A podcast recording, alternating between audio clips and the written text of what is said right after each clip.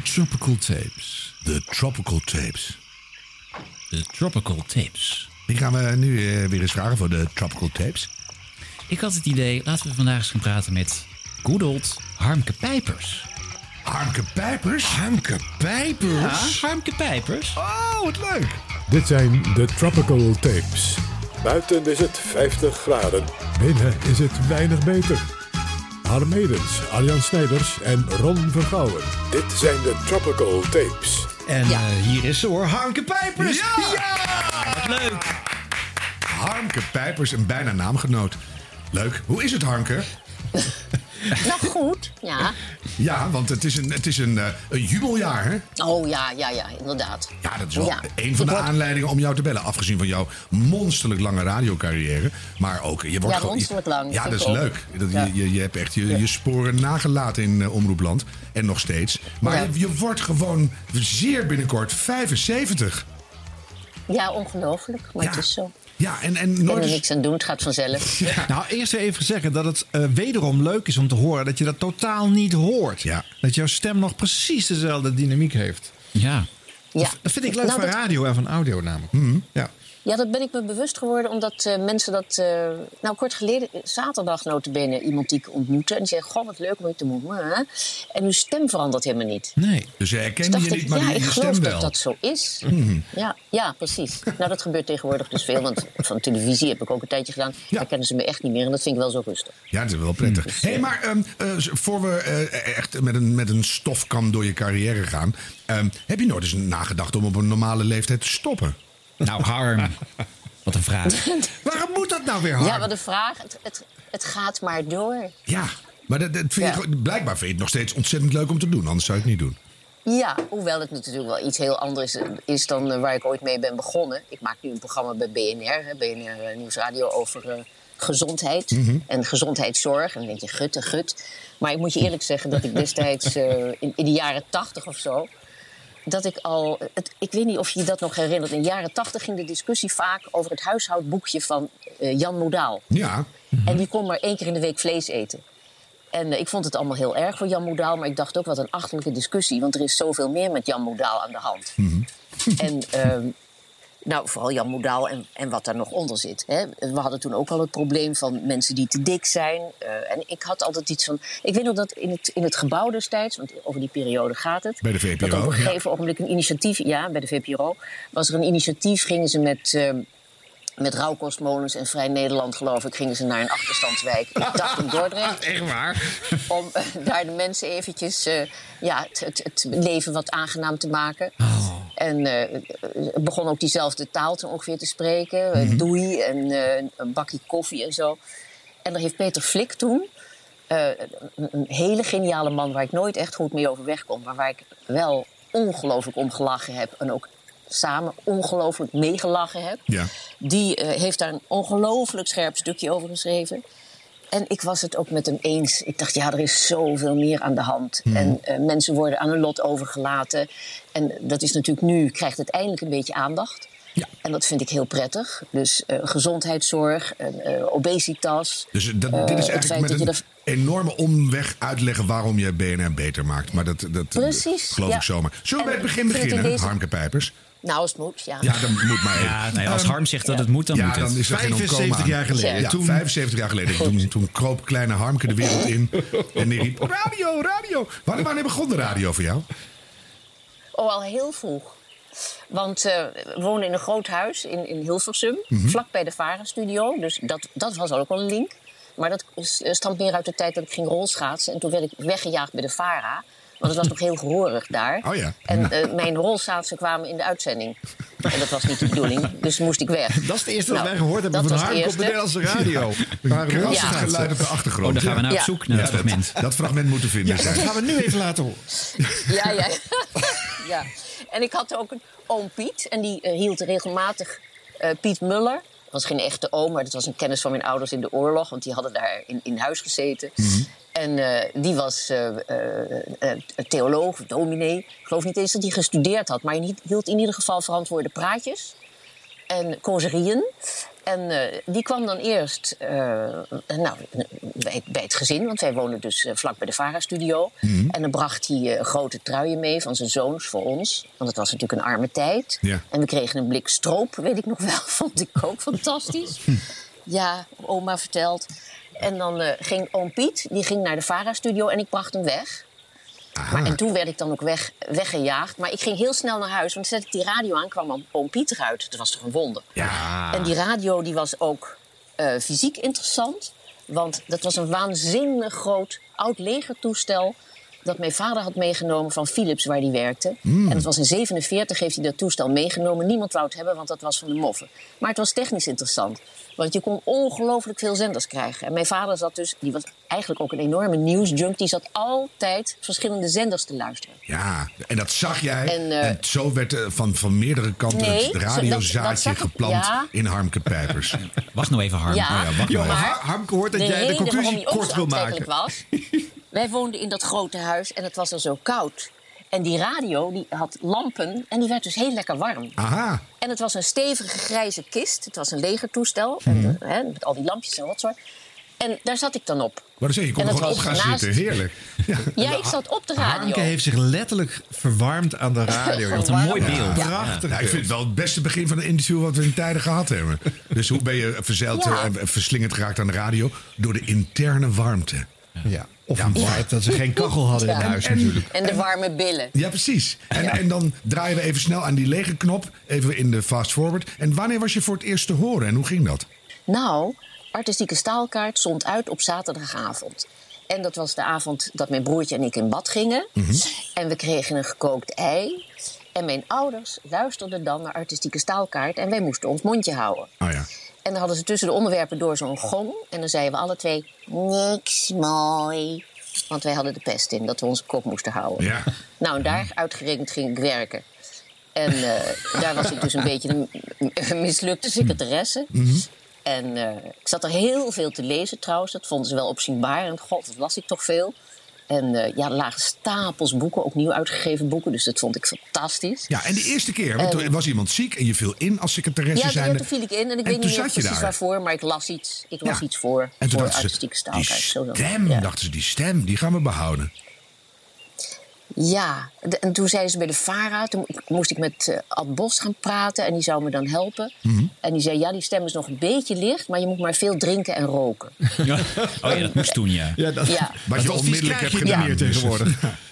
Dat ben ik dus alle twee niet gaan doen. Oh, oh, wat Nee. verstandig. Ja, het is Ik heb toch wel een goed tijdje gekomen. gerookt, maar niet vanwege die, die stem. Ik dacht, dat is idioot. En drinken kon ik al helemaal niet. Ik vind het wel lekker, maar ik heb er nooit goed tegen gekund. En Nee. nu ben ik, eh, ik heb diabetes, dus dan kan je het helemaal wel laten. Oh ja, nee. Dan En, val je meteen om. en je doet BNR Ja. beter, dus waar ben je dan mee bezig? Dat wil de Dus- sponsor Ja, ook niet, daarom, denk ik. dit kan niet? Nee. Hey, en, en wanneer werd het serieus? Want die- zo'n invalbeurtje, dat, dat tellen we eigenlijk niet mee natuurlijk. Ja, ehm, nou, toen, ging, toen kon ik op een gegeven ogenblik. Het werd gepresenteerd gepresenteerd door Jacqueline Lamers, weet ik nog. En die woont nu bij mij in de buurt. Leeft Dus die ook nog? Wauw. Ik geloof, ja, die is, ik geloof dat ze 99 was. Wauw. Die luistert nu ook Dat- ik heb haar laatst gesproken en ze zei: Ik word 99. Ik ben veel te oud. Het bevalt haar niet meer. Oh. Maar in ieder geval, dat is een heel ander verhaal. Maar in ieder geval, eh, toen gingen we elkaar afwisselen in presentatie. Dus ik geloof ik één keer in de. Nou, om de 14 dagen, zoiets. Mhm. En toen later heb ik dat, geloof ik, helemaal overgenomen. Ik weet het niet meer. Maar toen ben ik in ieder geval op een gegeven ogenblik... Ik had voldoende moed om wat andere dingen te gaan doen. En toen ben ik oh, inzet gaan doen met Bernard van Beurden. Een programma over muziek Ja. amateuristische muziekbeoefening, amateurmuziekbeoefening. niet, niet zozeer amateuristisch, want dat klinkt dan weer zo raar. Lijkt me wel een feest En, om te ehm, presenteren trouwens. Want je ligt de hele tijd blauw van de kwaliteit, toch? Nou, dat was best leuk. En Bernard was, een, was een, een, last, een lastpak, maar ook wel een gek. Oh ja. Dus ik heb veel gelachen. En Hans Onder van den Berg ook. Ja, dus la- En- langzamerhand kwam dus die radiocarrière op dreef. Nou, nu, nu zijn we 400 jaar later. Als je nou terugkijkt, dan kan je eh, voor mijn lol drie hoogtepunten noemen... waarvan jij zegt, dat zijn nou echt de pijlers onder mijn radiocarrière. Oh, nee, nee, die niet. Scala Internationaal ben ik ook nog. Dat was een internationaal kunstprogramma. Oh ja, nou dat klinkt al heel behoorlijk. ja. En dat- wat- Ja. wat- ben je ook zo internationaal qua kunst? Nee, was ik niet, helemaal niet. Nee. Dus maar je- het, interesseerde me wel. Aha. En, ik, eh, en ik ging, toen, daar ging ik ook, geloof ik, interviews doen. Zo Ja, was dus dat. dat, dat, ja. dan leer je steeds bij. Voor mij doemt in mijn hoofd op, als ik aan jou denk... natuurlijk zag ik je in een leren jas bij een bushalte staan... maar dat was de tv. Maar het, je- Ja. het gebouw van de Ja. VPRO, dat was toch een icoon op de Ja. radio. Nee, dat is ook zo. Daar werd, daar werd ik bekend. Ja, en, en hoe, hoe Ja, ging dat en geluk. deed je? Ja, nou, ik, eh, ik, ik werd uitgeroepen tot presentatrice van het gebouw en dat vond ik doodeng. Hm. En eh, ik begreep, want toen ik de eerste keer gepresenteerd had, toen belde Peter Flik op. Mhm. En die zei: eh, Ik moet zeggen dat ik het werkelijk heel leuk vind wat je doet. Ik vind het echt fantastisch. Ja, ik meen het hoor. Toen dacht ik: Wat raar, wat is er nou?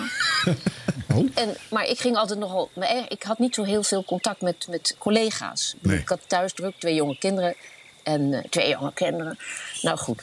Dus. ehm, Enfin, om jou, om jou dat- even wat, te wat mij totaal ontgaan was, dat het was een, een flinke ruzie geweest. Want Peter Flik wou mij helemaal niet hebben als presentatrice. Aha, En dat was dus doorgedrukt. En als ik dat geweten had, had ik gezegd van nee hoor, laat maar voorbij gaan, dat doe ik niet. En eh, als ik zo omstreden ben, dan zo ben ik dan ook wel. Ja. En eh, dat heb ik toen toch gedaan. En vandaar, daar kwam ik pas achter toen hij me zo nadrukkelijk complimenteerde. Ja, Toen viel ik, hem dus oh. mee. Hij was positief verrast. Ja. Ja, hij was heel verrast. Hij vond, mij gewoon toch wel, hij vond mij, dat is later ook wel gebleken, een enorm kakwijf. ja, nou in zijn ja, ogen altijd gebleven ben. is op Nou ja, zich ook niet heel doen. verwonderlijk, toch? Hoe vind je? Nou, qua, qua, qua dictie en qua intonatie en qua eh, uitstraling. Nou ja, wel bespraakt zijn hoeft niet gelijk eh Nee, maar te zijn, Ze is niet van de straat, Ja, zeg maar. Dat, dat is het vooroordeel wat mensen wel hebben. Had ik ook toen. Ik heb een tijdje met Harmke gewerkt bij BNN Nieuwsradio. Ik had ook, oh, ik ga met de grote Harmke Pijpers. Maar ze is leuk. Ze is echt een heel leuk mens. Alleen, ja, Ja, maar je hebt ook leuke kakwijven. Ja, absoluut. Nou ja, daar Ja. kwam ik dus achter. Dus in zo'n grote villa dat- tegenover de Vara. dat is waar wat je zegt, want ik ben dat heel vaak tegengekomen. Ja. Ja. En dat is, eh Maar dat is ook ik, goh, wat kan ik daaraan doen? Ja, maar het is toch En ook een beetje je goede niks. kant, Harmke. Je bent gewoon anders dan de rest. Dus dat, is- dat is heel bijzonder juist. Ja, en in die omgeving Ja. van de VPRO, met alle eh, eh, progressieve dingen die je daar moest en mocht roepen. En de gekke stemmetjes die je mocht opzetten. eh, maakte dat het een prachtig schurend contrast was. Ja. Hè, met jouw Ja, wat dat- bekaktere geluid. Ja. Nou ja, maar ik was, aan- aan- in het begin was ik bepaald niet in trek. Ook bij die Peter Flik niet. Want men was buitengewoon links. Er was zelfs iemand die wou in de telefoongids... of die had in de telefoongids vermeld arbeider. Kan je nagaan? Ja, dat gaat wel ver, ja. Ja. Nou, en nou het rare is dat eh, links, linksheid, omdat ik bij de VPRO gewerkt heb, dat is me ook altijd nagedragen. ja. Onder andere door de bekende journalist, eh, god hoe heet die ook alweer, van eh, eh, dat rommelprogramma. Eh, Albert Verlinde? Albert Verlinde. Ja, ja, die zei nog Ja. in een stukje in de NRC notabene las ik het notabene het linkse geweten van de VPRO, dat ik dat geweest was. ja Absoluut niet links. is je leven toch niet voor niks En- geweest? Dus, eh, nee. Ja, dat is toch echt flauwekul. Maar hoe links Want was je zelf? daar Want je, vle- je Absoluut werkte, niet, zegt ze net. Nee, maar je werkte wel in dat bolwerk en jij was zelf een beetje rechtsig. Nee, nou, ik was iets rechter. Ik, rechtser. Ik, ik, ik stemde D66, maar nooit PvdA of, eh Nee. of, of Groen of hoe dat, dat PSP in die tijd. Helemaal niet. Hm. En, ehm, en goed, maar eh, ja, als, als het over links gaat... Nou, en over, als je praat over gezondheidszorg en verandering in de maatschappij... dan ben ik dus nu veel linkser dan ik ooit geweest ben. Ja, ja, ja, dat is leuk. Dat zie je vaak op. mensen die wat ouder worden. Hoe lang heb jij het gebouw gedaan? Dat is vele jaren. Ja, weet ik niet. Heb heb ik niet bijgehouden. Vrij lang. Vanaf programma 1 Ja, tot, de slotuitzending. Want je, je, bent, eh, je bent er altijd Ja. bij geweest. Ja. Ja, dus echt, Ja, echt. precies. Kunnen we een stukje gaan Ja. luisteren, Arjan? We hebben wat fragmentjes, toch? Oh ja, even een fragmentje. Ja, even een stukje presentatie gewoon van het Ja, programma. wat leuk. Even, eh, van, er zijn natuurlijk genoeg mensen die dit programma luisteren en dat nooit gehoord hebben. Het gebouw. Nee, precies. Dan liggen hier nog tal van onbeantwoorde brieven met vragen die er ook niet om liegen. Dit blijft dus zo. Wij verzoeken u clementie. Oef. Hier is nog eens het gebouw uit Hilversum aan Zee... waar het water aan de lippen is komen te staan. Ja, dat was de aftrap. Dit is het intro muziekje. Ja, dat weet ik nog. Ja, mooi, hè? Ja, prachtig. Wat een sfeer meteen. Kom dan maar eens om op Radio 1 nu. Ja. Ja. We krijgen een aardig faxje binnen. We hebben een heleboel reacties gekregen hoor. U luistert naar het gebouw. Laatste uur, laatste uitzending. Juist, waarin wij dus allemaal eh, oude reportages, gesprekken, hoogtepunten, dieptepunten, miskleunen enzovoort herhalen. Geacht gebouw. Eigen nieuwsgaring met een ander geluid wordt door het publieke bestel van Hilversum kennelijk niet langer gehonoreerd met uitzenduren waarop ook geluisterd kan worden. Het gebouw stopt. De redactie van de Gay-krant betreurt dat in hoge mate. Wij danken u voor negen jaar verfrissende radiojournalistiek en hopen dat ergens in de toekomst een ander gebouw voor ons haar deuren wil zo openen. Nou, wie weet, hè. Redactie Gay-krant. Een seizoen lang zonden we het gebouw de ontmoeting uit. Twee mensen, zo had Germaine Groenier ooit bedacht ontmoeten elkaar in het gebouw zonder te weten wie hun gesprekspartner zou zijn. De ontmoeting duurde een uurtje of twee en 7 februari 92 ontmoeten Adelheid Rozen, actrice, en oud-hoofdcommissaris van politie in Rotterdam Jan Blauw elkaar. De commissaris vertelt anekdotes, niets over zichzelf en lijkt het roer in handen te hebben. Adelheid Rozen gaat even plassen. Blauw blijft alleen achter. En daar beginnen we, geloof ik. Geloof Oh, ik. wat leuk. Ja, nou, dat was Ja. zo'n zo'n aankondiging. Oh, dat rolt soepel over jouw lippen. Ja, wel Ongelooflijk. heel erg soepel en heel erg snel kennelijk. Ja, maar je bent gewoon sneller dan Matthijs van Nieuwkerk en stukken beter te verstaan. Oh. Nou, ik vond het heel erg leuk hoor. Ja. Ik vond het ook leuk om dit terug te luisteren. Wist ik echt allemaal niet meer. Nee, dat vind ik mooi, want je hoort ook je plezier eraan af. Nou, toen, toen Ja. stopte dat gebouw. Hoe, eh, stond je op straat of dacht je van, eh, wat moet ik met mijn leven? Hoe ging dat? Nou ja, het was wel een, een grote ingreep. Ja, het bepaalde wel mijn leven. En maar ik ben een ander programma bij de VPRO gaan doen. En wat was het ook alweer? Eh, gedachtegangen of zoiets. Zo'n soort titel was het. Mhm. En dat was een programma met eh, Max van Wezel. Oh ja, En, ehm, Nou ja, Ja. en je ging het Ja, Radio 1-journaal presenteren. oh ja, ja, dat ben ik later ook gaan doen, ja. Ja, wat Ja, natuurlijk interessant was, want precies. toen kwam je bij de zogenaamd neutrale NOS terecht, terwijl je dat VPRO-stempel wel had. Hoe vond men dat Ja. daar? Nou ja, ik dacht, ik maak weinig kans. Maar eh, ja, uiteindelijk ben ik dan toch gekozen. Ik geloof voor één ochtend in de week hoor. Meer was het ook niet. Oh nee, één ochtend en een, en een, eh, en te- en te- en de 12 uur uitzending. Ja. Oh ja, ja. Nou ja, maar er zat, ehm, eh, god, ehm, Rudy Boon, was Mhm. geloof ik. Ja, was, eh, was toen hoofdredacteur, dacht ik, eindredacteur, hoe noemen we dat? Nee, er zaten wel meer mensen van de WPRO. En eh, nou, dat viel aanvankelijk allemaal heel goed. Later is die stemming een beetje omgedraaid. Er zijn er ook heel andere mensen binnengekomen. Waar had ik veel minder mee. Dus eh, Ja, is vaak zo, het Radio 1-journaal hoef ik het nu niet meer te hebben. nee. Eigenlijk. Nee. Ho- Hoe is dat? Op een gegeven moment dan ga je die 60 jaar in en dan word je pe- pensioengerechtigd. En dan kijkt iedereen toch zo'n beetje naar de achterdeur van eh, moet je niet eens ophoepen. Is dat, is dat vreemd? Of- 60 jaar, hè? Pensioengerechtigd. Ja, je bent nu toch 75 aan het worden. Op een gegeven moment dan kom, Ja. je, kom je zo, dan word je een dagje ouder. Ik zit daar nu zelf ook tegen aan te hikken, maar ik ontken dat. Ja. Dus eh, de- de- hoe, hoe was? Kon je dat makkelijk eh, accepteren? Of zat je nog zoveel energie dat je dacht van nee, ik ga helemaal niet weg, ik blijf. Ja, nee, ik, ik, ga, ik, ik ga door. Ja, dat heb ik altijd gedacht. Waarom zou ik weggaan? Dat vond ik zo raar. Ja, en werd- werd je die ruimte ook gegund? Ja, ja, ja. ja. Dat vind Ik ik, weet niet meer hoe oud ik toen was. Toen, of, of nee, hoe, eh, waar, ik toen zat op dat moment. Toen ik 60 werd. Nou, volgens mij was dat een beetje de tijd dat, dat we jou nog even zagen opduiken op televisie bij eh, Talpa. Dat was een nieuwsprogramma en dan zat Oh, jij ja, opeens ja, het ja, shownieuws te presenteren. En NSE heette dat, met Boven Verdorens. NSC, ja, met boven Verdorens, ja. Ja. Ja, dat was krankzinnig. En ik heb er ook ongelooflijk veel gelachen. Ook toen de boel helemaal, eh, hoe heet het, In elkaar misging, in, in elkaar stortte. Het was echt één groot lachsalvo op die redactie. nee, het was krankzinnig werkelijk. Ik heb zo vreselijk gelachen daar. Ja, dat is Heel toch goed? erg. Ja, dat Ja. is mooi. Maar Maar, toen- het is wel, Ja. toen merkte ik ook, want ik dacht, die John de Mol die weet wat hij wat die doet, hè?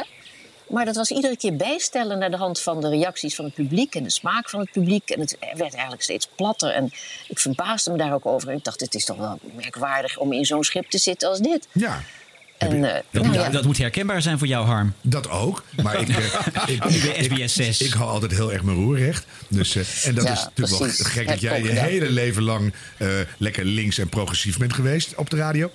En dan kom je in Ja. zo'n flauwekulrubriek uit. Ja, ja, maar een flauwe flauwekulrubriek, dat kun je ook goed doen. Ja, Dat is waar. Dat Ja. is absoluut waar. Ja. En toen belde BNR. Eh, nee, daar, daar heb ik gewoon gesolliciteerd op een gegeven moment, geloof ik. Ja, want ik, ik bij het Radio 1-journaal was, was mij in het vooruitzicht gesteld. Ik, kreeg, ik moest weg. Eh, ik ging naar de zaterdag, want dat paste toch meer bij mij. Lange interviews en weet ik veel wat. En ik had ook oneenigheid met de, met de redacteur. eh, God, ik weet niet eens meer hoe die man heet. En die heb ik voortdurend eh, aangekondigd overal als een 6 min. maar dat, dat kan ik dan, dat kan ik dan verder bij laten, want ik weet zijn naam niet eens meer. Nee. Jan Mom, zo heet hij. Ah, ja, ja. precies, ja. ja. Ja. Nou, En eh, het was nou niet bepaald glorietijd daar. En eh, terwijl aanvankelijk begonnen we met hele mooie buitenlandreportages. En dat was echt een goed programma. En eh, ik ben weggegaan. Met, ik werd naar die zaterdag gepromoveerd. Ook met het vooruitzicht dat die zaterdag op den duur zou verdwijnen. En dan waren ze mij kwijt. Dat Ja, was leuk. Mm, zo werkt Het was, het, ik was toch een beetje de diva die moest opdonderen. Ah, ja. Dus dat heb je niet En, afgewacht, die stap naar de zaterdag. Nee, dat ben ik wel gaan doen. En daar heb ik toen. eh, eh, het waren vrij lange interviews. Vond ik ook heel erg leuk. En daar heb ik toen weer heel veel werk van gemaakt. En daar waren ze dan ook weer eigenlijk verbaasd over, over mijn inzet. Ja, ik kan, ik kan niet iets half doen of zo. Dat, Nee. dat zit gewoon niet in me. Nou, maar dat, daar En, raak je eh, wel een goed punt, Harmke. Want je hebt natuurlijk eh, de, de, de bijnaam in de wandelgangen dat je best wel een lastige tante bent. Maar daar wordt altijd meteen bij gezegd, maar werk keihard, bereid alles heel goed voor. En ik kan jou eigenlijk Ja. maar ook niet anders voor de geest halen bij BNR, want daar zijn we collega's. Dat ik jou Mhm. altijd, al dan niet met leesbril, ergens in een scherm zie turen. driftig aantekeningen zien maken. Redacteuren zien leeg schudden. Je bent er altijd mee bezig. Oh. Dus ja, maar dat is gewoon heel goed. Dat je, dat je heel veel moeite stopt in datgene wat je doet. En dat is Ja, wel echt nou, maar een- het imago, dat heeft mij altijd dwars, eh, eh, dwars gezeten. Of, of bekakt. Of een eh, of, verwaande vrouw, weet ik veel wat. En eigenlijk iedereen met wie ik samenwerk, die zegt van... Goh, eh, ik zag e- heel, heel erg tegen, tegen je op, maar je bent gewoon lief. Ja. Ja, ja, dat kan, Ja. Nou ja, dat kan ik echt eh, bevestigen. Want ik heb toen, eh, was ik redacteur bij het programma De Frontlinie... wat jij ging maken eh, bij BNR. Samen Oh, met, ja. Frederik Huid, of met Frederik Huid, wilde ik zeggen. Met Oh, ja, Frederik dat- de ja. Jong. En eh, Ja. wat ik me ook herinnerde, dat, nou ja, ik was toen nog een, echt een jonge redacteur. Dat jij was mij echt 11 aan- of zo, Ah, ik 12. was 11, Ja, 12 dat is heel denk ik of zo. Ja. En jij begeleidde me ook echt. Jij ging met mij door mijn teksten heen. Je, hielp me echt om die teksten beter te maken. Jij als een soort moeder overste ging je dat jonge gut wat om jou heen liep, eh, eh, begeleiden je. En eh, nou ja, daar ben ik je nog steeds dankbaar voor dat je dat hebt gedaan. Oh, dat herinner ik me eigenlijk niet meer. Wat ja, deed, deed, deed je wel hoor. Ja. Grote Nou, indruk zeg. gemaakt, eh, Ron Vergouwen. Wat een aardige mevrouw. Wat leuk. Ja. Maar weet je wat ik nou zo graag wil weten? Hè? Want gezien het perspectief wat jij eh, over decennia eh, eh, werken in de media hebt, Harmke. Je hebt een periode meegemaakt waarbij de VPRO volledig aan de bal was. Zelf mocht bepalen wat ze maakten. En een, eh, het, Ja. het gebouw was een urenlang durend programma Nou. achter elkaar. Met hele lange buitenlandreportages en toestanden. En je hebt het daarna zien verengen naar een centrale redactie met een NOS Radio 1 journaal. En Ja. een steeds meer. ver- ja, ja eh, het, het wordt toch meer een eenheidsworst. Hè? Dat was, je snapt wel waar die beweging vandaan komt. Maar Ja. zou jij de ontwikkeling in dat medialandschap een beetje kunnen eh, kenschetsen met jouw ervaring? Eh, hoe heeft zich dat ontwikkeld en waar is het naartoe bewogen? Ja, nou inderdaad, naar wat je zegt. Meer, eh, het moest allemaal op elkaar lijken. Hè? Dus eh, eh, gewoon horizontale programmering. Dus iedere dag zo ongeveer op dezelfde tijd eenzelfde zelfde programma of eenzelfde soort programma. En ja, daar was enorm veel verzet tegen bij de VPRO. Maar ik was het erg eens met Henk van Hoorn, die daar op een gegeven ogenblik ook hoofdredacteur was van, of eindredacteur van, van het gebouw. En eh, die zei ook: Ja, moet je luisteren, we kunnen niet eh, eh, voor, eh, zo halverwege de week weer eens even een journalistje gaan spelen. Dat moet gewoon continu zijn, goede Ja, nieuwsvoorziening. Daar ja. had hij natuurlijk gelijk in. Ja. Ja. Dus eh, die overstap die ik toen maakte naar het Radio 1-journaal... werd door sommige mensen bij de VPRO als verraad beschouwd. Ja, dat vond ik zo krankzinnig. Ja. Ik dacht, we hebben een fantastisch leuke speeltuin gehad. En dat er een end aan komt, dat is heel treurig. Maar ik denk wel dat het anders moet. Dat er meer horizontaal geprogrammeerd moet worden. Ja. Ja, en aan de andere kant vind ik, en dat heeft ook met geldgebrek te maken en met keuzes. En bijvoorbeeld het Radio 1-journaal, waarin dus duidelijk gekozen wordt voor, eh, eh, ja, voor wat simpeler onderwerpen. En het moet gezelliger en een beetje gekeutel en een plaatje. Ja, dat vind ik een beetje jammer. Ja, dat vind ik Ehm, eigenlijk ook. Maar je zou maar kunnen dat- zeggen dan dat jij, dat jij beter zag wat de ontwikkelingen waren... en daar makkelijker in mee kon gaan dan die verstokte VPRO'ers. Ja, zeker wel. Ja. Ja. Nou ja, maar er waren meer mensen bij de VPRO die dat inzagen. Maar er waren ook verstokte VPRO'ers die eh, eh, eigenlijk kwaad eh, vervolgens naar Radio 5 verdwenen. Ja. dat vond ik nou weer... Ik dacht, dat ga ik niet doen. Ja. Nee. En als je zou mogen kiezen, was die spielerij, die volledige vrijheid van de VPRO dan echt te prefereren boven de eh eenduidigere koers van later, die evengoed wel een groter publiek bereikt? Nou, wat, wat betreft arbeidsvreugd wel. ja, ja. Ik heb heel veel plezier gehad bij de VPRO. Ik heb ook vaak, en dat is me daarna nooit meer gebeurd... Ik maakte wel anderen aan het lachen die vervolgens helemaal slap waren. En dan dacht ik, oh god, uitkijken, want dat kan niet. Dat was dan eh, met Govert van Brakel. Ja. En dan maakte ik een overgang van, dan ging het over die varkens die doodgingen. En dan, ging- dan was het iets van, eh, oh ja, dan hadden we een beursrubriek. En dan zei van de, van de, van de, van, de, van de spaarvarkens nu naar de echte varkens of andersom. En dan lag hij helemaal flauw onder, die, onder de Ja. tafel. Dat moet ik niet doen. Dan ben ik, die- ging die studio uit. Want als hij daar zat te hinniken, ja, dan was het wel mijn fout natuurlijk. Nee, het is juist heerlijk. Ik hou daarvan. iets te, Ja, iets te maf. En dat, nee, maar ik heb het ook wel gehad, dat, eh, dat was ook in de VPRO-tijd nog. Als ik dan een serieus interview maakte, dan hoorde ik later dat mensen zo gelachen hadden. Ik heb de auto aan de kant gezet en ik kon niet meer. En dan dacht ik, maar ik was serieus bezig. Ja, dus dat- dat is ging ook zo jouw- aan me kleven, Ja, dat maar- mensen ook heel erg lachbereid waren, zou ik maar zeggen. ja. En toen dacht het is uitkijken geblazen. Nee, maar dat is juist het, het, het, leuke dubbele in wat jij doet. Dat je af en toe van die muffe bijzinnetjes hebt... of die hele eigenzinnige kleine tikjes eh, in het gezicht van je geïnterviewde. Daar moet ik ook Ja. enorm om lachen. Terwijl dat helemaal is wie jij bent. Dus dan ben jij helemaal niet grappig bezig. Maar het is wel heel komisch. Dus, eh, Ja, moet ook kunnen. Daarom. Hey, je, je hebt ook dingen op, op, repo- op, op locatie gemaakt, hè? Eh, Met de reportages en, en zo. Hoe was dat? Was Ja. dat een van jouw sterke punten? Of dacht je van, oh jee, ik moet weer? Nee, dat vond ik heel erg leuk. Ik heb ook buitenlandreportages gemaakt. Daar werd er steeds voor, voor gevraagd. En, eh, maar ja, ze hadden me natuurlijk toch nodig in de eerste plaats als presentator. En bovendien, eh, ja, twee kleine kindertjes thuis en een echtgenoot die eh, nooit één vaste vrije dag in de week kon krijgen. Hij werkte bij de omroep als muziekregisseur. Oh ja. En eh, eh, werkte samen met, eh met Haitink en later Chailly. Veel concertgebouwen, veel mooie dingen. Kerstconcerten, malen. klonk wekenlang door het huis. Want dat is de tijd dat de reportagewagens die werden voor alles gebruikt. Dus die waren nog niet meer goed afgesteld. Dus wilde hij nou werkelijk horen wat hij opgenomen had. En dan ging dus na de repetitie, werd er thuis hier nog even afgespeeld. Dus Integraal toen gingen we zo de intro van de Malersymfonie mee. ja.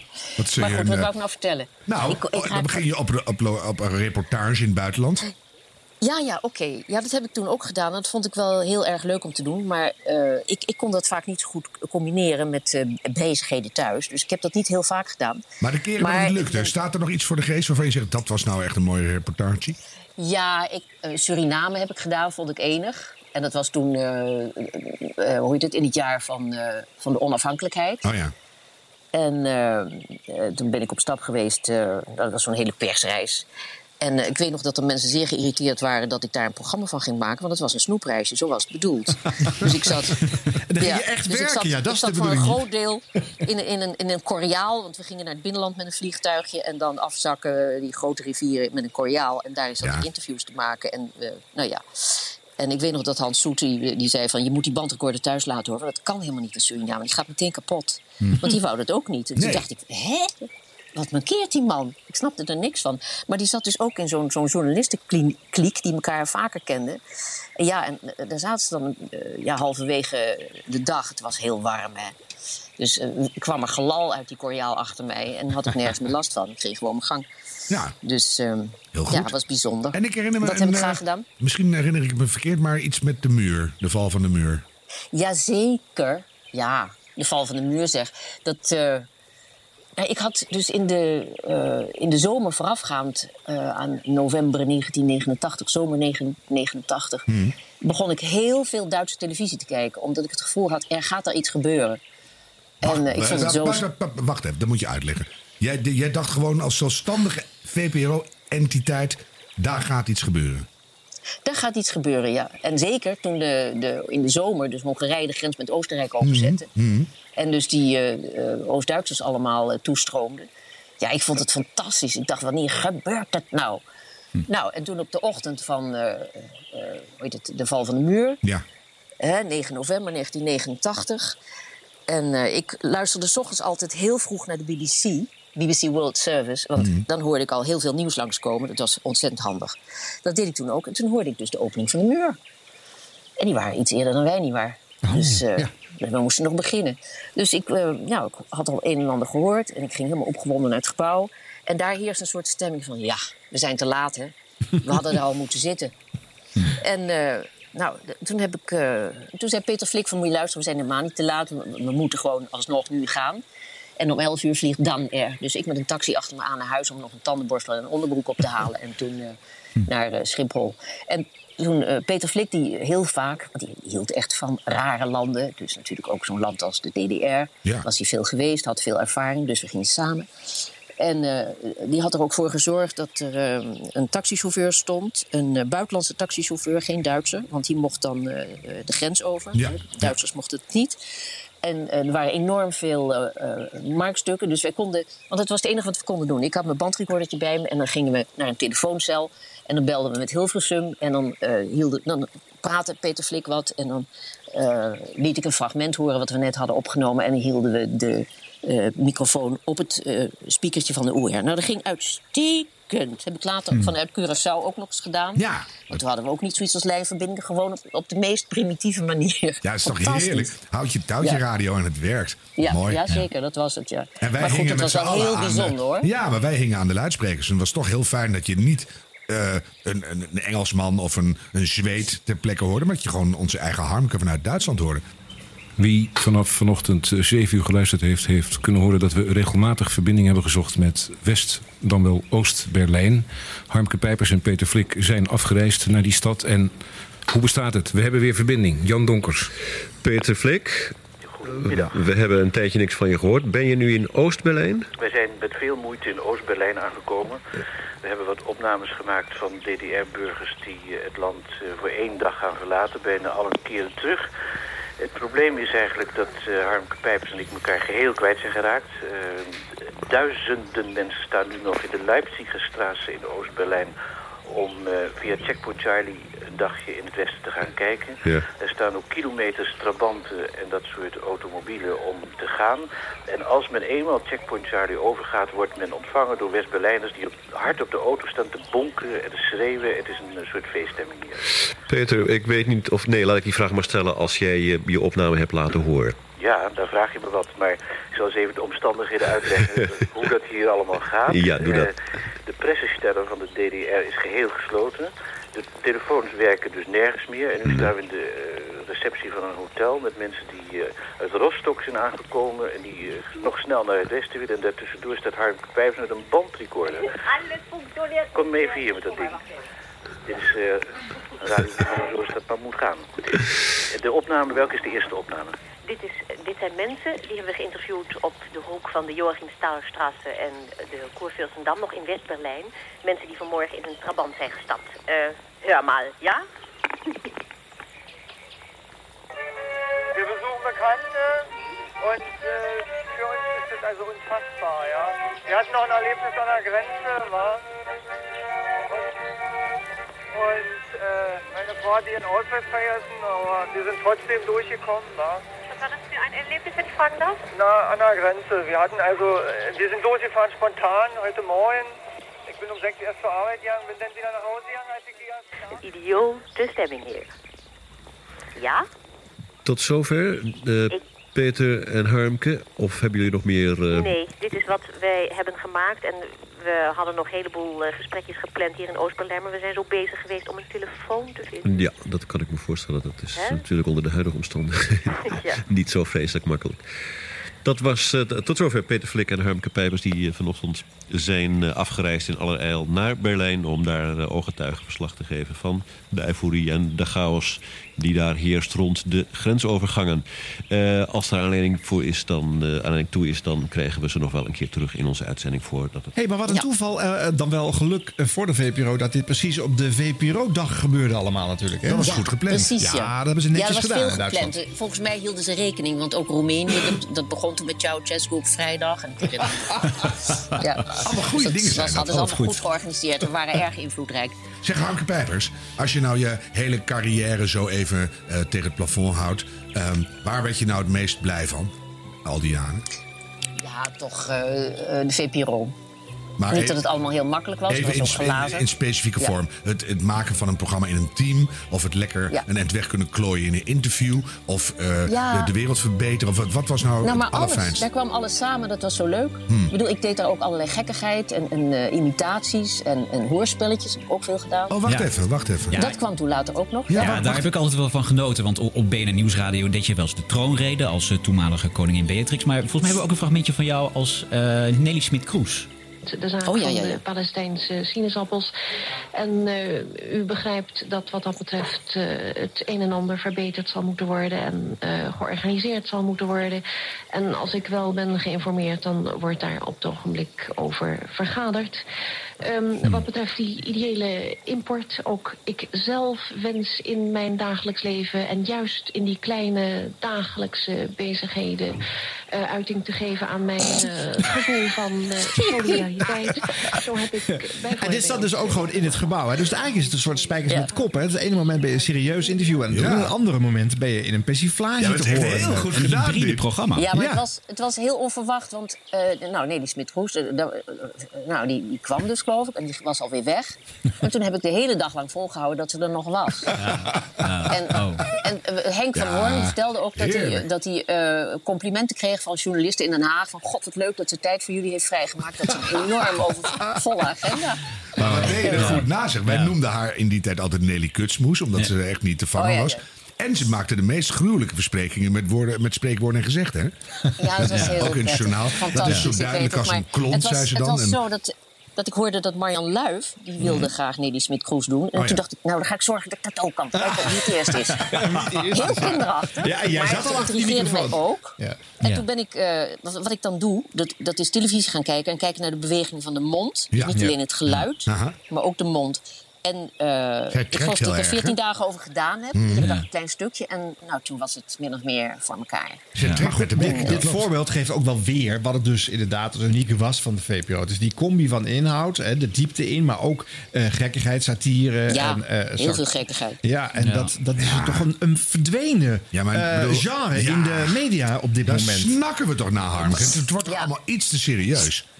Ja, dat is zeker zo. Ja. Wat gaan we eraan En ik doen? ben ook heel serieus met af en toe een klein gekkigheidje. Maar ik moet zeggen dat zo'n programma waarin je gewoon helemaal uit je dak ging... dat was natuurlijk wel enig. En Ja, dat mis ik ja. wel. We hebben het is er niet nodig. meer bij. Ja, En ik heb ooit, ooit is bij de BNR ook nog eens een keer voorgesteld...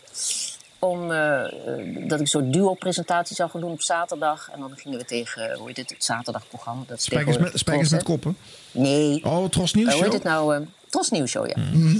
Daar tegenop. En dat zou dan... Nou ja, dan kan je daar veel mee, mee doen natuurlijk. En die vrijheid die heb ik nooit meer gehad. Dat is dan wel Maar weer ik, jammer. ik hoor je luid en duidelijk, dus hoor. de grote crisis, de, de hè? Ik hoor je luid en duidelijk. crisis. En toen, en ja, toen, was, toen was er geen geld meer bij BNR, Hm. dus toen ging het plan niet door. Maar dan vinden we toch even een leuke sponsor. Ja zeg. En dan, dan Dan gaan, we- gaan we samen voel ik hier ineens een enorme leuke duo-presentatie. Nee, ik word 75, dan ga ik nog, gaan we op zaterdagochtend een show doen. Ik word 60 en ik werk niet in het weekend, dus we verzinnen wel wat. Oh, ja. Ja. ja. Ja. Nog even een hele kleine anekdote over dat imiteren van Harmke. Want eh, toen ik de perstribune heb opgezet op Radio 1... was ik ook eh, zijdelings betrokken bij het programma Twee Dingen. En toen hadden we bedacht dat in de tune... eh, zouden allemaal bekende mensen zouden het woord twee dingen eh, zeggen. Of die zouden uit het archief gehaald worden. En dat heb twee, je ook gedaan. Twee dingen is natuurlijk een uitspraak van Joop de Nijl. Hè, van de twee dingen goed begrijpen. En er was iemand die zei ja nee, de koningin Beatrix heeft het ook geze- gezegd. Dus ik ben in het archief Oh, gaan zoeken. ja. Maar dat is nooit gevonden.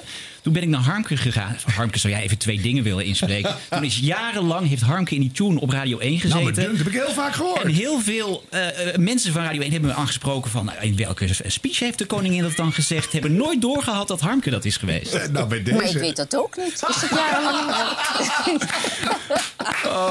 Ik weet dat echt niet. Nee. Ik heb zoveel gedaan, ik weet het niet meer. echt en ook niet dat ik dus iedere week te horen was. Ja, ja. ik heb je krijgt nog heel veel royalties van Radio 1 geloof ik. half acht of Zoiets van acht uur, half negen. Zo, ik heb het heel vaak gehoord in de auto. Dat zou toch geweldig zijn als Harmke naar het programma zou luisteren, die tune hoort en dan ook zichzelf nog steeds niet herkent dan. Ja, dat, is heel, dat heb je het heel goed gedaan. Ja, heerlijk. Zeg Harmke, hoe nu verder? Hoe nu verder? Nou, dat weet ik niet, want eh, ik doe nu het programma Gezond. Hè? Ja. Mhm. Eh, of BNR Beter heet het nu. Dat is nog beter natuurlijk dan Gezond. Ja.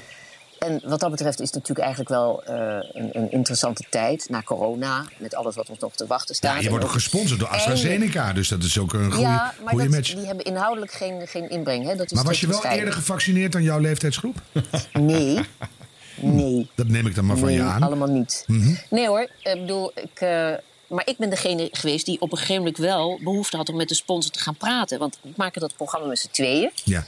En ik wil redelijk veel weten. Ik zei, moet je luisteren, dat zijn ook kennispartners. Dus ik wil wel wat eh, van ze weten. En eh, de journalistieke onafhankelijkheid, ja, daar sta ik borg voor. Tuurlijk. Ik, eh, ze hebben geen invloed op de inhoud van het programma. En dat is ook altijd zo gebleven. En nou is natuurlijk door de huidige problematiek, nietwaar...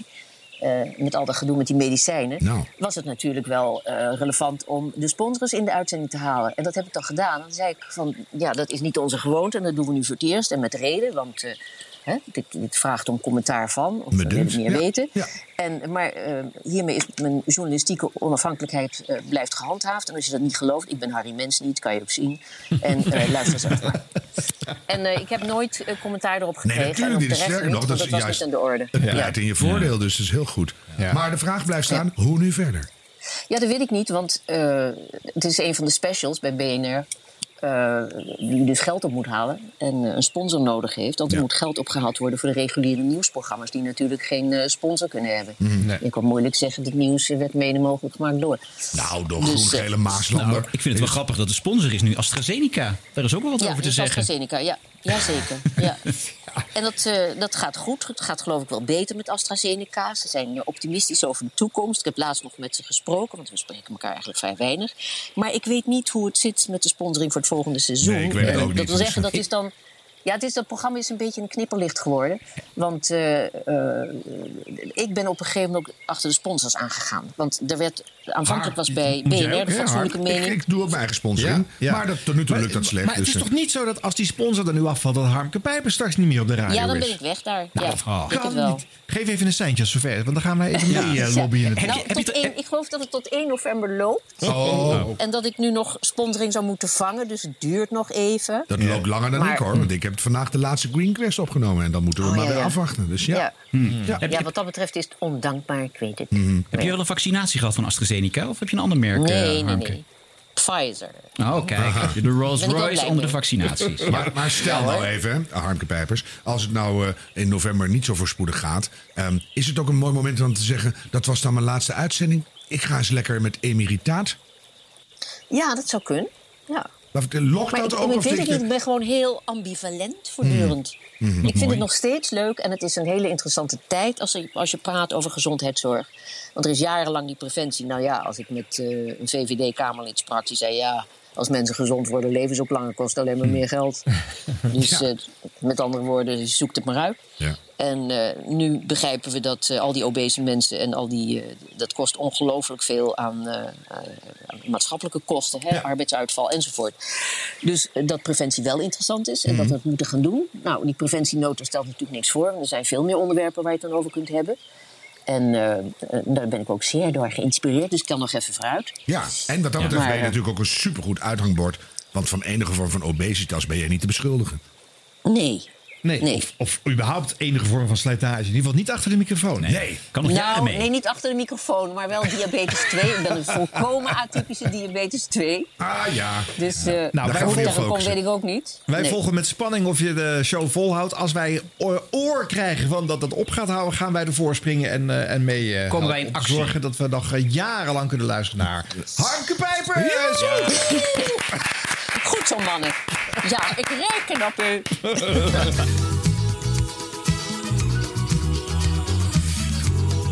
Zo, dat was er weer één. Wat hebben we al veel van die zomerse tapes eh, opgenomen, hè? Tropical tapes. Ja, dat waren ze. Nou, nog, eh, nog een paar. Volgende week hè, nog eentje. Oké. Alweer? Ja. Dan de vakantie nog niet op? Nee.